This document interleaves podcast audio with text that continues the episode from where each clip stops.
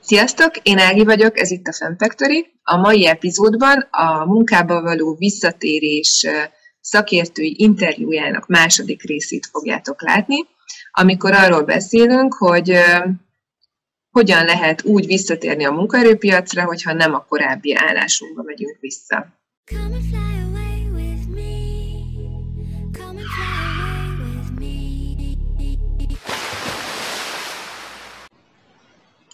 Szia Eszter, üdvözöllek újra! Szia, sziasztok, üdvözlök mindenkit!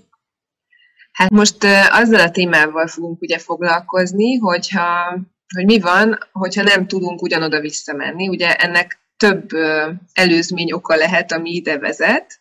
Nem is biztos, hogy ezeket feltétlenül fel kell tárni, bár nem tudom, szerinted praktikus-e abban az értelemben, hogy nem mindegy, hogy utána hogyan megyünk tovább.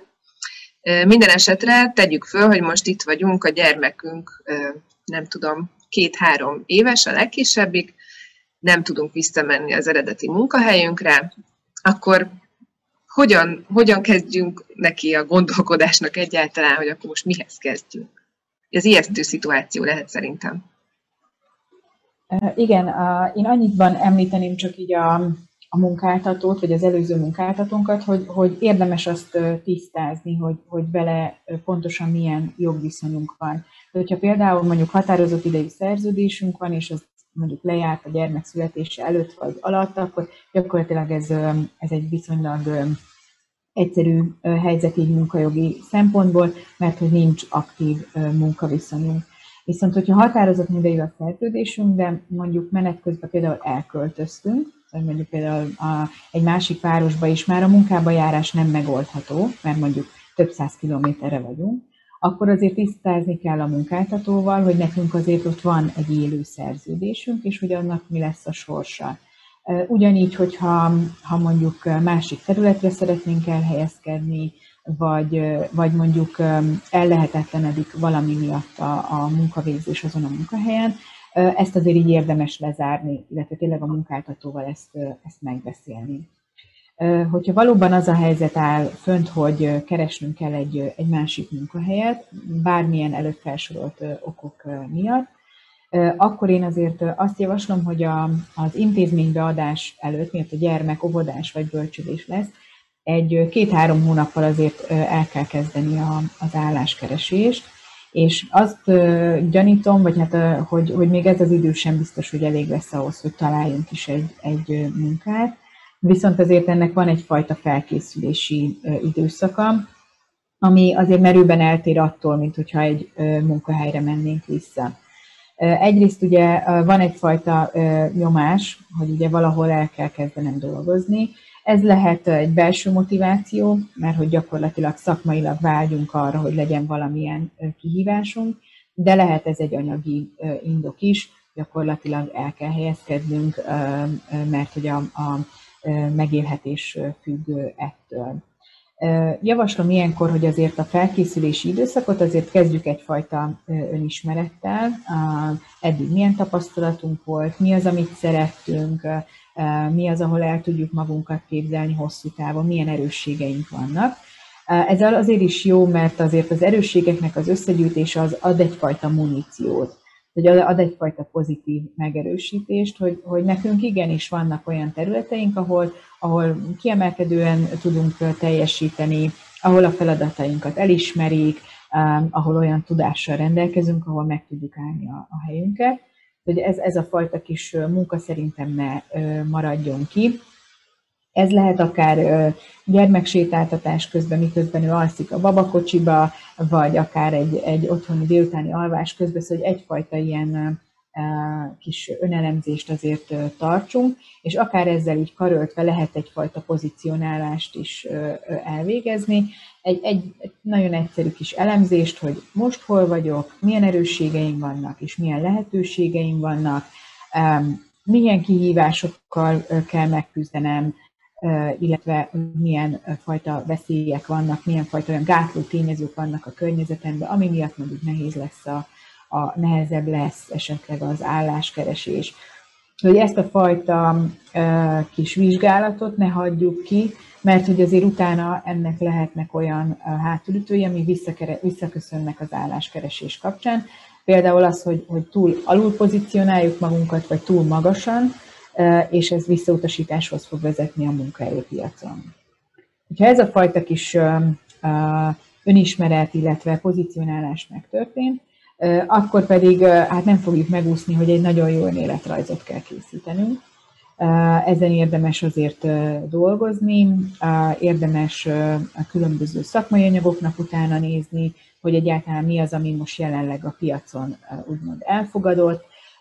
Nekem egy nagyon kis megmosolyogtató történet az, hogy az első hát munkába állásom, és a következő után, ami, ami azért majdnem tíz évre rá volt, ugye az Európasszal kezdtem annak idején a főiskola után, teljesen jó volt, felvettek, nagyon jó volt elkezdeni dolgozni, de mire újra elkezdtem ugye munkát keresni, hát addigra már gyakorlatilag mindenki megmosolyogta ezt a fajta önéletrajz típust, szóval gyakorlatilag azért ezt a fajta trendet úgymond mond követni kell, hogy tényleg olyan szakmai anyagunk legyen, ami, ami bekerül a kiválasztási folyamatba, ami alapján bekerülünk mi is az interjúra.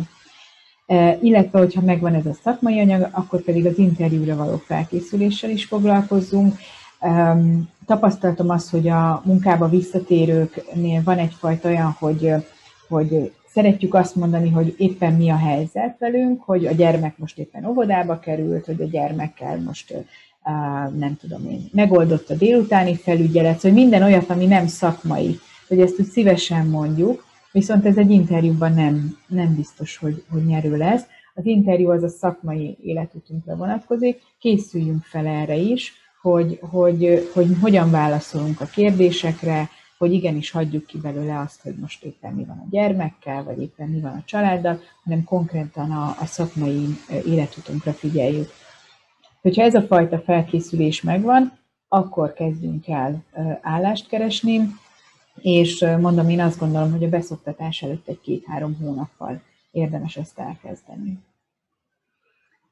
Hát ez biztos, hogy nyilván emberfüggő is talán, meg meg karrierfüggő is, de azért erre elég sok időt kell szerintem szánni, nem? Tehát, hogy így, így felépítsd magad, meg tényleg újra szakemberként tekint saját magadra, ne, ne csak anyaként, vagy ne egy olyan anyaként, aki most dolgozni is fog. Tehát valószínűleg itt így agyban is egy kicsit át kell kattanni, már előtte, még mielőtt oda megy az ember egy állásinterjúra.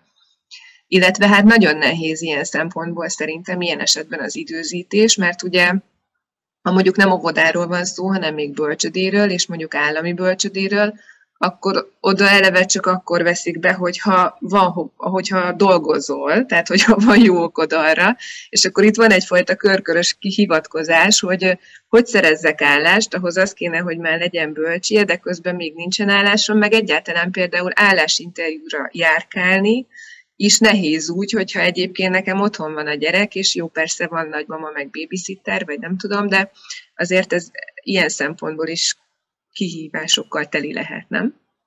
Igen, igen, igen. Én azért mondtam előbb ezt a fajta pozícionálást, mert hogy ott a kihívásoknál ezt is fel kell öm, sorolni. Öm, például öm, amikor annak idején mondjuk én megcsináltam a, a három gyerek után, akkor nekem oda a kihívások közé bekerült a három gyerek. És nem azért, mert kihívást ők jelentik számomra, hanem azért, mert például egy, én mondjuk a három gyerekkel nem tudok már 100-150 kilométerrel arrébb munkát vállalni, bármennyire is kihívás az a, az a feladat, mert haza kell érnem az óvodába, bölcsödébe, bárhova, szóval gyakorlatilag ezt, a, ezt a fajta kihívásoknak az összegyűjtését, ezt, ezt meg kell tennünk, még mielőtt elkezdünk munkát keresni, hogy legyenek rá megoldásaink. Mert hogy ezeknek az összegyűjtése nem azért van, hogy lehúzzon bennünket, és én ebbe belesüllyedjek, hogy úristen, hol fogok én három gyerekkel mondjuk elhelyezkedni, hanem hogy legyenek rá megoldási lehetőségeim. Mondjuk a megoldási lehetőség az, hogy azt mondom, hogy oké, okay, akkor 20-25 kilométeres körbe fogok csak keresni munkát, mert ezt fogom tudni megoldani vagy ugyanaz, amit mondtál, hogy otthon vagyok a kisgyerekkel, de el kell mennem interjúra, akkor oké, okay, akkor nézzük meg, hogy hogyan tudok elmenni interjúra, van-e olyan családtag, barát, bárki, akit meg tudok kérni arra, hogy mondjuk egy-másfél órát vigyázzon a, a gyermekre. És ez is nagyon érdekes, hogy erre is fel tudunk előre készülni. Szóval, például, hogyha van olyan, akinek mondjuk a, a férjét, nem, vagy a férjét, férjét vagy az édesapát még nem tudja ebbe a folyamatba bevonni, akkor igenis a, egy, egy játszótéri kapcsolatban is lehet olyan bizalmi kapcsolat, amikor azt tudom mondani, hogy megtennéd, hogy másfél órát vigyázol a gyermekemre, amíg elmegyek egy állásinterjúra. Vagy amíg mondjuk így online csinálok egy állásinterjút, mert most már a legtöbb, az első kör azért így történik. Szóval, hogy, hogy készüljünk föl arra, hogy, hogy amikor állást keresünk, akkor valóban szakemberként tudjunk ott állni, még akkor is, hogyha hátul a láthatatlan táskánkban ott vannak a, az anyai szerepeink és az anyai feladataink, de mégis azért egy szakemberként kell magunkat eladni a munkaerőpiacon. Ugye ez a felkészülés akkor arra is nagyon jó, hogy, mert szerintem inkább az van, hogy ilyenkor alulértékeli az ember a, a potenciális képességeit a munkába való visszaállással kapcsolatban, és hogyha ezeket átgondoljuk, és egy csomó tudatos megoldásunk lesz, akkor talán már nem fogjuk annyira alul pozícionálni magunkat, és talán már elkezdjük hinni azt, hogy mi még egyszer jó munkaerők lehetünk, és érdemes minket felvenni, mert gondolom azért ennek van egy ilyen pszichológiája, hogyha én se hiszem már magamról, hogy itt a sok betegeskedés mellett több kisgyerekkel adott esetben egy új munkahelyen tudok bizonyítani, akkor úgy elég nehéz eladni magam egy állásinterjún. Van egyébként, mondj, mondj valami biztatót kérlek, hogy kisgyerekek mellett van annak realitás, hogy egy új munkahelyen kezdjünk. Azt gondolom, hogy van.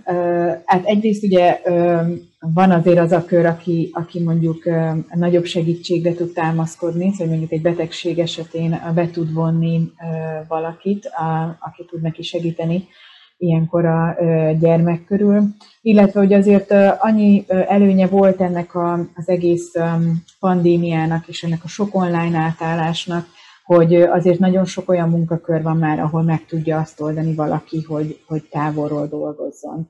Hogy amíg mondjuk itthon kell lenni a kisgyermekkel, akkor addig mondjuk online tud részt venni egy-egy megbeszélésen. Már ugye ez is igaz, pont még a legelső beszélgetésünkön beszéltünk erről, hogy, hogy azért nehéz úgy dolgozni, hogy itt mellettem mondjuk a három éves éppen kirakózni szeretne, Szóval hogy azért erre is fel kell készülni, hogy, hogy rendben, hogy mi egy jó szakember vagyunk, meg, meg, meg tudjuk állni a helyünket, de, de azért csak kell valamilyen fajta rugalmassága a munkáltató részéről is, hogy mondjuk akkor tudjunk este dolgozni, amikor már mondjuk megoldott a felügyelet a, a gyermek mellett.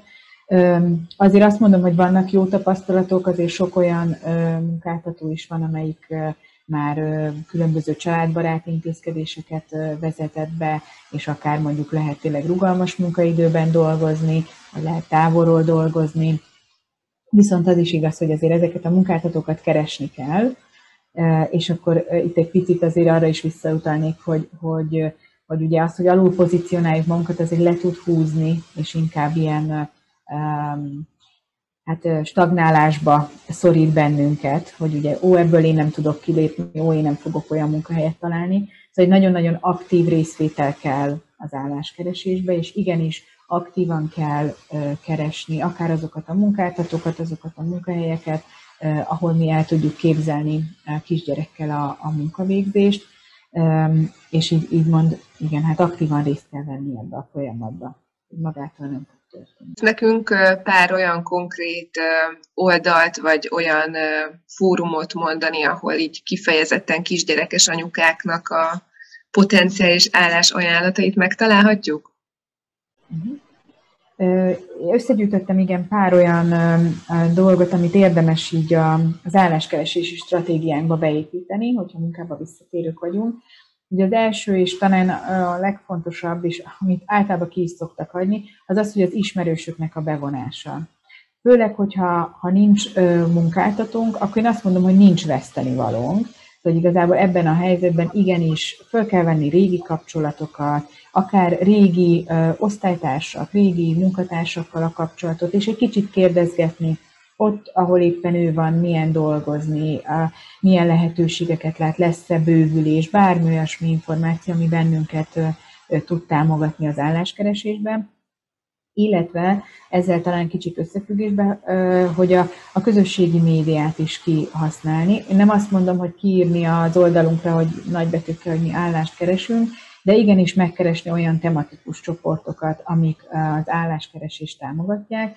Ugye van munkába visszatérőknek csoport, vannak szakmai csoportok, szóval vannak, hogyha mondjuk, mondjuk visszatérő a könyvelőre, vannak olyan állások, amik kimondottan könyvelési területhez kapcsolódnak, vagy a virtuális asszisztensek, vagy, de nagyon-nagyon sok olyan tematikus csoport is van, ahol kimondottan ahhoz a célterülethez kapcsolódóan találunk álláslehetőségeket, és ezeket a csoportokat érdemes két szemszögből is használni. Egyrészt figyelni ott az álláslehetőségeket, másrészt pedig a szakmai posztokhoz hozzászólni. Hogyha van egy olyan poszt, amihez nekünk lenne egy megoldási javaslatunk, vagy van hozzá tapasztalatunk, akkor igenis hozzá kell szólni, mert hogy ezzel is fel tudjuk kelteni valakinek a, a figyelmét.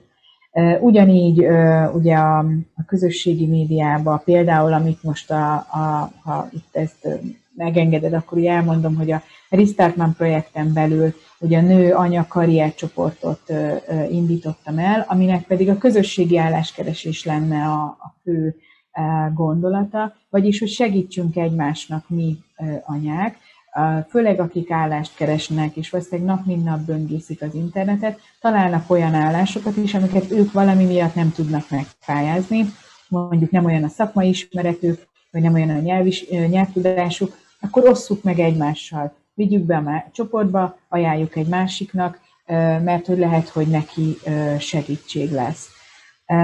Ugyanígy a közösségi médiához sorolnám a LinkedIn, ugye, ami gyakorlatilag egy szakmai fórumként működik, és itt is nagyon jól lehet kapcsolatokat építeni, itt is lehet szakmai csoportokhoz kapcsolódni, illetve a saját szakmai oldalunkat is érdemes feltölteni.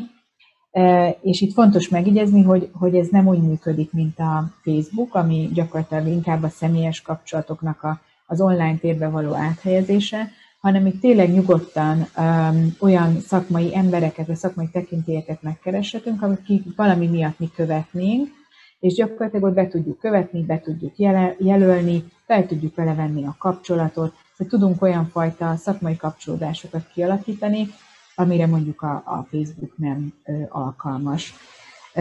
Itt is fontos az szerintem, hogy a hozzászólásaink legyenek olyan jellegűek, hogy, hogy erre tényleg bárki fel tud figyelni. Igazából oszthatunk meg posztokat, vagy oszthatunk meg cikkeket, amik bennünket felkeltettek, vagy az érdeklődésünket felkeltették.